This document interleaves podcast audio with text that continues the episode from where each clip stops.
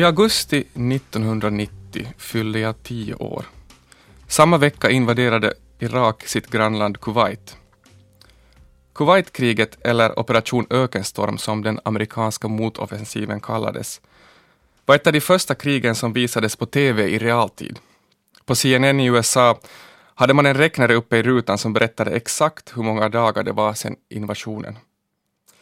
Vår familj bodde i USA då och jag minns Kuwaitkriget som ett evigt flimrande i bakgrunden av våra lekar. Bilder av dammoln och bombade stadssilhuetter på TV. Pappa jobbade inom pappersindustrin och reste mycket. Han har berättat att han satt på ett hotell nere i södern i Alabama och följde nyhetssändningarna på CNN en kväll. Det var tropiskt hett och på TVn berättade amerikanska nyhetsankare om hur lyckad motoffensiven varit. Pappa tänkte bara på en sak, att det var tur att vår familj hade flyttat till USA och inte till Irak. Vi flyttade från Jakobstad 1989 och Irak var ett alternativ. Mina föräldrar hade kollat på skolor i Bagdad. Tanken var att jag och mina syskon skulle placeras i en amerikansk skola där. Tyskland var också ett alternativ, men till slut vägde USA tyngre. Det är över 20 år sedan vi flyttade. Det tog nog ganska länge innan jag insåg att det måste varit ett stort beslut för mina föräldrar. Mamma hade jobb i Kokkola och blev hemmafru. Det gjordes en intervju med vår familj i Jakobsas tidning innan vi reste. I intervjun säger mina föräldrar att de ville flytta för att de insett att om inte gör det nu så fortsätter livet bara som förut. De ville ha ett äventyr. Jag kan förstå det. Pappa var 35 när vi flyttade. Själv fyller jag 35 om ett år och jag har precis gjort ett stort beslut i mitt eget liv. Jag heter Filip Teir och det är jag som sommarpratar idag. Jag har tidigare varit kulturchef på Hufvudstadsbladet och från och med i sommar är jag friförfattare och skribent. Fri? Jo, det är ju ett ord som smakar bra, men vad betyder det egentligen? Vad pratar vi om när vi pratar om frihet? Jag studerade filosofi i början av 2000-talet. Då lärde vi oss att man kan skilja mellan negativ frihet och positiv frihet. Negativ frihet brukar kopplas till liberala filosofer från 16, 17 och 1800-talet. Det är kort och gott friheten från tvång och förbud. Typisk liberal frihet är en sån där människors liv inte begränsas av staten. När snusmumriken springer omkring och river upp förbudsskyltar manifesterar han den negativa friheten. Positiv frihet det är möjligheten att förverkliga sig själv oavsett materiella begränsningar. Det är ett svårare begrepp att ringa in men det kan ibland ses som motsatsen till negativ frihet. Den positiva friheten förutsätter kanske att staten eller till exempel en arbetsplats först skapar förutsättningarna för mig. Jag tror inte att jag ska gå in på en idéhistorisk diskussion här idag. Istället tänkte jag att vi skulle lyssna på lite finsk damslager och prata om uppbrott.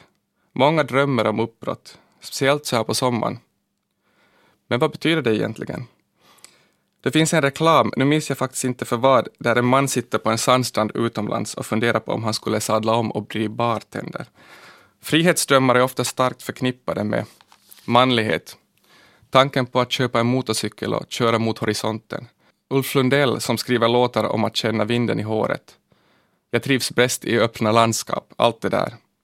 I Tove Janssons Pappan och havet går Muminpappan omkring i sin trädgård och känner sig onödig eftersom allt som ska göras redan gjorts av någon annan. Så en augustikväll bestämmer han sig för att ta sin familj och resa iväg till en fyr. Den manliga friheten har en arsenal av rekvisita som handlar om öppna vidder och fart. Snusmumriken som slänger sin säck på ryggen och vandrar söderut. Men kan den friheten också vara begränsande? Och kan det någonsin ske utan komplikationer? Jag tänker att alla de här männen som drömt om att göra sig totalt oberoende av världen, av kvinnor, av samhället att de kanske lätt blir fångar i sitt eget oberoende. Också snusmumriken lämnar efter sig ett gråtande Mumintroll när han vandrar iväg på hösten. Min farmor Alice var en ganska stor kvinna. Därför var jag förvånad över att hennes kista såg så liten ut på begravningen. Hon dog i mars i år och vi begravde henne i Lappfjärd i Sydösterbotten. Det var en otroligt fin och solig vårdag och jag tänkte att det var som på 1800-talet. Vi stod runt kistan med åkrar runt omkring oss medan vi sjöng en psalm. Det blåste sakta och man hörde den lite knarriga rösten från en kvinna i församlingen. Det finns alltid en kvinna med en liten knarrig röst som överröstar alla andra. Jag har ett väldigt starkt minne av Fammo som jag har berättat ibland när jag uppträtt med mina texter på bibliotek. I den här historien är jag 15 år gammal och sitter i framsätet i hennes bil och andas genom munnen. Jag är yr av värmen. Farmor kör dåligt som vanligt. Hon gör våldsamma svängar, missar korsningar, skrapar nästan vid förbipasserande bilars speglar. Och jag ser hur mina knogar blir vita av att klamra mig fast i säkerhetsbältet. Jag får inte öppna bilfönstret för fammo säger att det drar på hennes nacke. Lukten ligger där under, tung och obehaglig och jag vet att den redan arbetat sig in i mina kläder. Att den kommer att finnas i mitt hår senare och att mamma kommer att se på mig med en blick som betyder att jag måste duscha. Att hon kommer att ropa ”muista pestä samppåla” när jag går ner till badrummet. Att Finland varit i krig känner jag till. För folk brukar säga att min farmors förhållande till mat var präglat av krigen, en tid då man var tvungen att köpa mat på kort. Hon sparade allt, sådär som folk i hennes generation gjorde.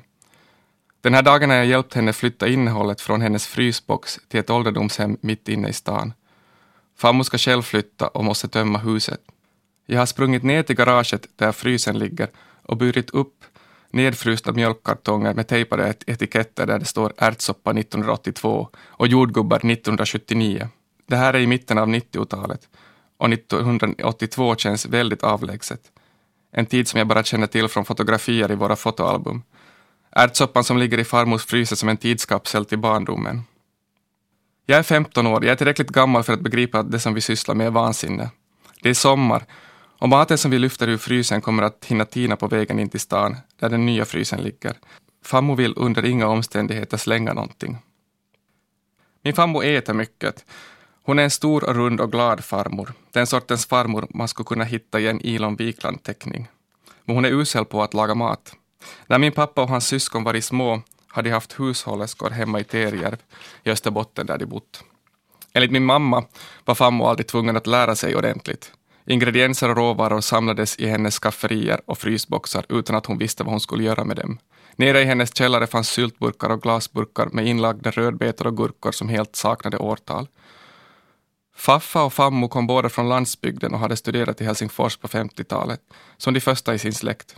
Faffa flyttade till Helsingfors några år före Fammo.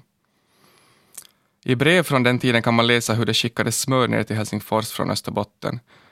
Antagligen för att Faffa inte hade pengar och för att tillgången till råvaror var större på landsbygden än i stan.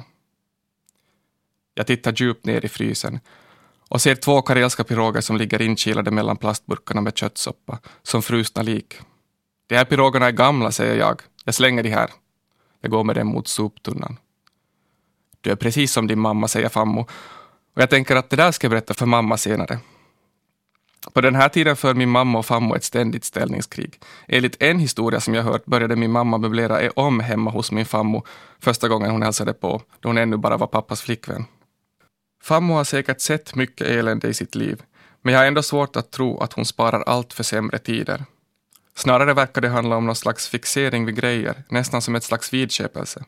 Hon har en klar uppfattning om att allt man äger kan komma till användning någon gång. Hemma i sin källare har hon byrålådor fulla med kapsyler, gummiband, yoghurtburkar, skruvar och tomma brödpåsar. Hon sparar till och med de där små plastknipsarna som man sluter brödpåsarna med. Nu står hon på trappan och följer med medan jag lastar in det sista. Det är nästan som ett sakrament. Hon tänker nog att de här livlösa matliknande föremålen ska kunna förvandlas till riktig mat en dag. Det var underbara Carola Standerskjöld med en av mina absoluta favoritlåtar när det kommer till finsk damslager. Den låten handlar förresten om motsatsen till frihet, olycklig kärlek. Det är ju så här att den enas frihet kan vara den andras fängelse. Kvinnan i låten sitter och väntar på att telefonen ska ringa. Desperationen i Carolas röst får det att låta som tortyr. Samtidigt låter hon lite euforisk, som att hennes röst nästan faller sönder av längtan. Jag har hört på den här låten ganska mycket och tänkt på en sak. Har olycklig kärlek sett lika ut genom evolutionen? Satt man i grottor eller runt lägereldar och längtade sig sjuk efter någon jämnårig samlarjägare i stammen bredvid? Hur lät den tidens poplåtar? Enligt evolutionsbiologen Lasse Berg, som skrivit mycket om bushmännen i Kalahari, har människan under evolutionens gång utrustats med en hjärna som gör att vi kan bli helt besatta av en annan individ. Det här menar han har varit bra för vårt fortbestånd, inte minst för att våra barn behöver lång tid för att bli självständiga. Då behövs lojalitet och samarbete bland de vuxna. Inom evolutionsforskningen talar man om gruppevolution. Att vara osjälvisk är bra för gruppen och i förlängningen alltså bra för generna. Så när du är olyckligt kär nästa gång kan du tänka att det är dina gener som vill att du ska knyta an till en person. Det kan inte hjälpas att dina gener inte förstår att du är en människa som lever på 2010-talet. Idag behöver man ju inte längre hitta en partner för att undvika att bli uppäten av ett lejon. I regel är människan specialist på att tolka signalerna från omgivningen. Problemet är att det gäller face to face. Evolutionen har tyvärr inte rustat oss för pojk eller flickvänner som aldrig hör av sig per telefon. Det är svårt att argumentera mot sina gener. Det finns faktiskt evolutionsbiologer som hävdar att människan helt och hållet saknar fri vilja. Men jag ska återkomma till min farmor. Jag tror att man kan dra vissa slutsatser om hennes förhållande till mat. För min farmor och farfar var det ganska självklart vad livet handlade om. För det första skulle man överleva. Min farfar hade flera syskon som dog innan de ens hade funnit fulla tio år. Att skapa sig ett bekvämt liv med materiell status var frihet för honom. För min generation är ju det där lite mer komplicerat. Det finns en föreställning om att vi har oändliga valmöjligheter idag och att det i sin tur skapar ångest.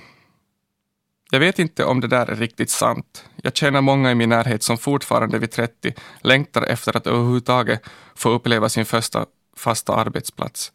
För att inte tala om semester. Så var det inte för mina föräldrars generation. När min pappa utexaminerades från Åbo var det i praktiken bara för honom att flytta hem till Jakobstad och börja jobba på pappersfabriken. Jag tror att många tänkte att det skulle fortsätta så i all evighet. I Finland skulle alla få det bättre och bättre i en evig linjär utveckling mot mera tillväxt. Jag tror inte att någon är så säker på det längre. Samtidigt har det en viss förlamande effekt att vara djup pessimist. Lasse Berg skriver i sina böcker om Kalahari att han konkret sett hur världen faktiskt blivit bättre sedan 70-talet, då han gjorde sina första resor till Indien.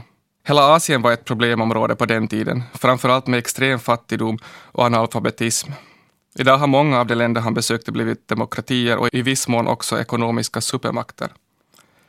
Vilket förstås är ett problem i sig eftersom jordens resurser är begränsade. Men tydligen är det så att det finns en poäng med begreppet positiv frihet. För att kunna känna sig fri måste man först ha en viss grundtrygghet. Och för att få den tryggheten krävs vissa förutsättningar. Jag fick barn när jag var 21 år gammal och sett ur någon slags manligt romantiskt motorcykelperspektiv begränsade det väl min frihet. Samma dag som min flickvän berättade att hon var gravid hade vi tänkt gå på ett informationstillfälle om att studera utomlands. Samtidigt är det inte hela sanningen att ett barn kringskar vår frihet. För vi var unga och att bilda familj när man är i den åldern kan i sig vara ett slags revolt mot de normer som säger att man måste tänka efter noga innan man tar stora beslut. Att bilda familj är också ett sätt att skapa en egen liten kult utanför samhället. En nybildad familj kan ju påminna lite om sådana där omvända religiösa grupper som brukar klä sig i 1800-talskläder. Man brukar tala om mamma och pappa-bubblan. Kanske finns det rent av någonting omstörtande med den verksamheten. Så kändes det nog när vi var 22-åriga föräldrar med ett barn, som båda studerade och på sätt och vis hade alltid i hela världen att hitta vår egen vardagslunk. Vi hade inte så mycket pengar, men i den åldern har man ju inte så höga materiella krav. Om vi åt makaroner i en vecka så var det inte så farligt. Hade man råd att köpa en vinflaska ibland så var allt ganska bra. Sen går det tio år och de flesta av oss blir ungefär som alla andra. En vän till mig brukar säga att man blir vuxen först när man inser att man själv också är en fattig, syndig människa. De senaste tiden har jag läst författaren John Shevers dagböcker. John Shever har bland annat inspirerat tv-serien Mad Men och när man läser hans dagliga anteckningar känns det som att läsa en person vars hjärta kommer att explodera på varje sida. Precis som många av hans generationskamrater som John Updike och Philip Roth handlar det mycket om äktenskapet och mycket om medelklasslivet. Cheever beskriver hur han står i badrummet och omsorgsfullt viker en handduk så att monogrammet på handduken är på rätt sida Samtidigt som man undrar, vad gör jag här? På ett ställe skriver han, jag föddes inte in i någon klass och jag beslöt tidigt i livet att näsla in mig i medelklassen, som en spion. Så att jag skulle ha en fördelaktig position att attackera från. Men det verkar nu och då som att jag har glömt mitt uppdrag och som att jag tar min förklädnad för allvarligt. Det där spionaget som John Cheever talar om, det är nog typiskt för många som skriver, tror jag. Visst måste också författare leva sina liv och vara närvarande i stunden. Men om man ska skriva, då måste man också stå på sidan om, ständigt på sidan om och betrakta. Man måste i någon mån vara en spion. Ibland kan man undra om det är så att författare blir spioner för att de skriver, eller om de skriver för att de alltid varit spioner. Alltid betraktat livets framfart från kanten. John Cheever själv har skrivit en novell som handlar om det här. I den skaffar en familj en radio. En sån här stor radio som man hade på 50-talet i ett skåp med tre paneler. Men när de knäpper på den upptäcker de att de kan höra diskussioner som förs hos grannarna. Ett gräl mellan paret i lägenheten bredvid, ett cocktailparty som pågår några våningar upp, en godnattsaga som berättas i ett barnrum. Frun i familjen blir så småningom besatt av den där radion. Hon sitter framför den och lyssnar på grannarna och vet snart en massa om dem. Hon inser att de flesta som grälar, grälar om pengar. Och att människor i regel är väldigt olyckliga. Till slut blir hon alldeles deprimerad av det. Hennes man för radion på reparation och plötsligt fungerar den normalt igen. Rösten har försvunnit. Men när mannen i familjen får se räkningen konstaterar han att de varit slösaktiga och så börjar de gräla och så förvandlas paret i novellen själva till sina egna grannar. Det är en tung insikt. Vi är precis som alla andra. Vi kan låtsas att vi inte är det, men vi är det. Av någon anledning tycks det vara en insikt som många tycker är svår att leva med. Så var det i alla fall för John Cheever som ständigt längtade någon annanstans. Hans dagböcker gavs ut efter att han dött, men han hade själv önskat att de skulle publiceras. I den blottas allt, otrohetsaffärer, alkoholism och depression. Men på något underligt sätt är de också ljusa.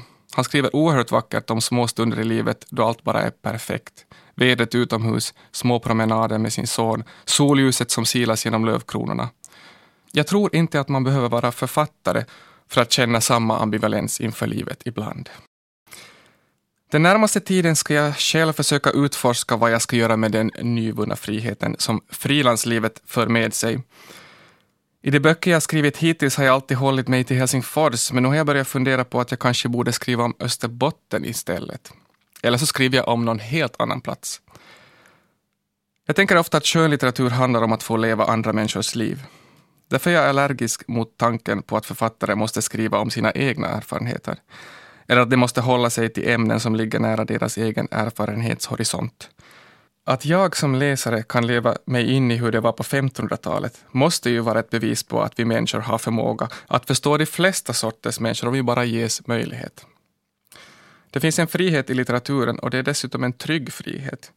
Jag kan resa utan att egentligen behöva resa någonstans. Det är väldigt mycket billigare än att resa på riktigt. Bara genom att promenera till biblioteket kan man ta sig runt hela jordklotet. Dessutom tror jag inte att litteratur bara ska handla om igenkänning. Det skulle ju förutsätta att var och en av oss med absolut säkerhet kan säga exakt vilka vi är. Sanningen är kanske snarare att våra identiteter flyter och att litteraturen bejakar våra flytande jag, eftersom vi får pröva en mängd olika kostymer. Genom att skriva kan man ibland nagla fast en del av kärnan i sin person, men man kan aldrig fånga den helt och hållet. Varje gång man skapar ett minne skjuter man bort verkligheten. Minnet består av konstruktioner. Som sådana där byggställningar som man ser i Helsingfors när det görs fasadrenoveringar. Det är det som håller upp jaget. Jag tror att det är delvis den sortens byggande som norrmannen Karl Ove Knausgård sysslar med under de senaste åren. Han har på något sätt försökt fånga det liv som strömmar igenom honom från det att han stiger upp på morgonen tills han lägger sig på kvällen, samtidigt som han grävt djupt in i sitt eget förflutna. Läser man alla hans sex böcker, över 3000 sidor, får man nog en ganska bra helhetsbild av en människa. Samtidigt inte alls. För varje försök att skriva ner verkligheten är bara ett försök. Som i Platons grotta kommer vi bara åt skuggorna. På sätt och vis tycker jag också att Knausgård har visat att något annat är möjligt än den uråldriga manliga myten om det stora uppbrottet. Han hittar inte sitt stoff långt borta i horisonten, utan rakt framför näsan, i småbarnslivet. Men det krävs en viss begåvning för att få det att lyfta och bli konst. Jag kommer själv ihåg en vinter för några år sedan då jag var på Mariehamns litteraturdagar som reporter för Husis. Jag skulle intervjua skådespelaren Birgitta Ulfsson om någon föreställning hon var aktuell med. Jag var trött småbarnsfarsa. Dessutom hade jag nog festat dagen innan. Jag frågade henne, hur gör man? För att orka alltså. Då berättade hon för mig om hur hon spelat på Lilla Teatern medan hon hade två små barn, hur allt handlade om att balansera familj och arbete. Jag insåg snabbt att hon måste haft oändligt mer kämpigt än jag.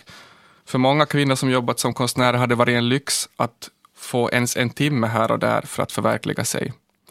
Den längtan skriver Karl Ove Knausgård om ur ett jämställt 2000-talsperspektiv. Fast det är klart, jämställdhet är alltid någonting man måste jobba på, ungefär som demokrati. I ett parförhållande är man bara lika jämställd som sin senaste toalettstädning. Jag har alltid sysslat med musik och en av de värsta stunderna i mitt liv upplevde jag faktiskt på Roskildefestivalen. Jag var 16 år gammal, jag låg i ett tält i Danmark. Jag hade varit sjuk hela våren, tappat en massa vikt och nu spelade Pet Shop Boys på stora scenen. Jag låg i tältet och frös. Jag har någonting som heter kronsjukdom som är en kronisk infektion i tarmen. I mitt fall precis i skarven mellan tjock och tunntarmen. Jag har haft det sedan jag var 20 år gammal men när jag var 16 bröt sjukdomen ut igen efter att jag varit frisk en längre tid. Jag var oförberedd på det och därför reagerade jag inte som jag borde ha gjort när jag fick smärtor i magen varje natt. Jag märkte nog inte riktigt att jag tappat så mycket vikt. Så jag åkte på interrail med mina kompisar precis som jag planerat. Fyra veckor senare låg jag i ett tält och skakade. Det hade regnat hela veckan och det var vatten inne i tältet. Mina yllesockor var blöta och jag försökte sova medan Pet Shop Boys spelade Go West inför tiotusentals människor ett par kilometer bort. Jag längtade bara hem. När vi kom till Stockholm några dagar senare tänkte de inte släppa oss på färjan. Vi var panka och hade inga biljetter och på terminalen föreslog de att vi skulle ta oss till socialen inne i stan. Det här var alltså innan det fanns mobiltelefoner. Egentligen hade vi tänkt resa sista biten med vårt interrailkort, men med färjan skulle vi komma snabbare hem.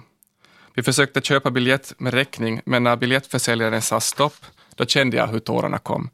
Jag ville bara hem. Som tur var köpte busschauffören från Jakobstad, som skulle köra festivalfolket hem, biljetter till oss. När jag kom hem togs jag in på sjukhus. Jag vägde 49,5 kilo och sänkan var långt över 100. Läkaren som examinerade mig undrade om jag hade fått tuberkulos. Jag har aldrig skämts för min sjukdom eller tyckt speciellt synd om mig. Inte ens när jag var liten och låg på sjukhus. Men jag tror att jag länge föreställde mig att jag skulle klara det själv. Jag ville inte besvära någon annan med att jag hade ont i magen. Så jag härdade ut, vilket jag inser nu kanske var ett sätt att skämmas. Kanske är det typiskt manligt att försöka uthärda utan att berätta för någon hur det står till. Eller kanske är det bara mänskligt. Idag är jag i stort sett frisk, även om Crohns är en kronisk sjukdom. Och jag tänker att alla de där sjukhusvistelserna ändå satt sina spår på ett positivt sätt. Om man googlar olycklig barndom hittar man snabbt en sajt där det står så här. En olycklig barndom är en källa till ny positiv energi. Så är det nog. Jag älskade att bo i USA som barn och längtade ofta tillbaka. När min dotter var två flyttade vi till New York i tre månader eftersom vi aldrig lyckades studera utomlands som vi hade tänkt. Vi bodde i ett ganska trevligt område i Brooklyn och det var mitt på vintern. Våra närmaste grannar var en sexpersoners familj från Indien som bodde i en liten tvårummare. Vissa dagar snöade det så mycket att vi knappt kunde ta oss till tunnelbanan. Kändes som att New York var fullt av människor som uthärdade i hopp om att en dag skapa sig ett bättre liv. Det är klart att Manhattan kryllar av människor som har en inkomst som skulle kunna försörja halva vårt Töölö. Men så fort man sätter sig på tunnelbanan lite utanför stan så ser man alla andra människor. Städerna, väktarna, sjuksköterskorna, telefonförsäljarna, studerandena, ungdomarna från jobbiga förhållanden.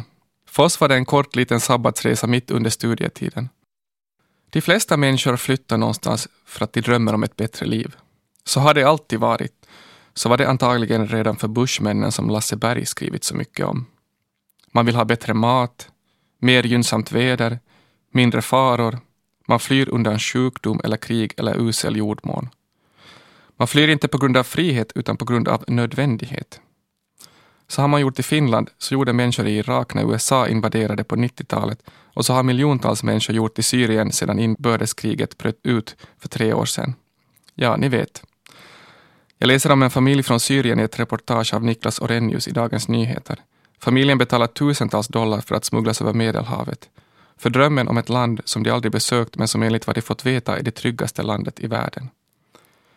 Kanske är det så att om man bor i ett av de tryggaste länderna i världen så kan man också drömma om uppbrott. Ett uppbrott i positiv bemärkelse kan bara ske om man har ett skyddsnät. Själv har jag alltid haft en trygg medelklassuppväxt som säkert delvis förklarar varför jag vågar ta risker. Men samtidigt är det en politisk tolkning som är ganska typisk för vår tid. När man forskat i till exempel enäggstvillingar har man sett att de ofta visat upp liknande egenskaper, även om de haft helt olika socioekonomiska uppväxter. Vilket skulle tyda på att det också finns någonting som personligheten. Ibland har jag tänkt att en människas plats i syskonskaran kan vara lika avgörande som hennes klassmässiga bakgrund. Själv har jag förresten inga planer på att hoppa på en motorcykel och köra mot horisonten under den närmaste tiden, om nu någon trodde det. Jag har förresten aldrig varit intresserad av motorer. på något sätt måste man ju få mat på bordet och det betyder vardag. Journalisten Jan Gradvall sa det bra i en intervju nyligen. Även om man hängt med rockstjärnor i tre dygn så betyder det ingenting om texten inte blir bra. Texten är inte cool att skriva. Som han säger, texten är bara jobbigt och kaffe och ont i magen. Så jag hoppar i bassängen och simmar i min egen takt. Om någon kommer crawlande med hög fart släpper jag förbi dem. Just nu har jag inte bråttom. Jag heter Filip Teir och det här var mitt sommarprat. Tack för att ni lyssnat. Hoppas ni får en fin fortsatt sommar.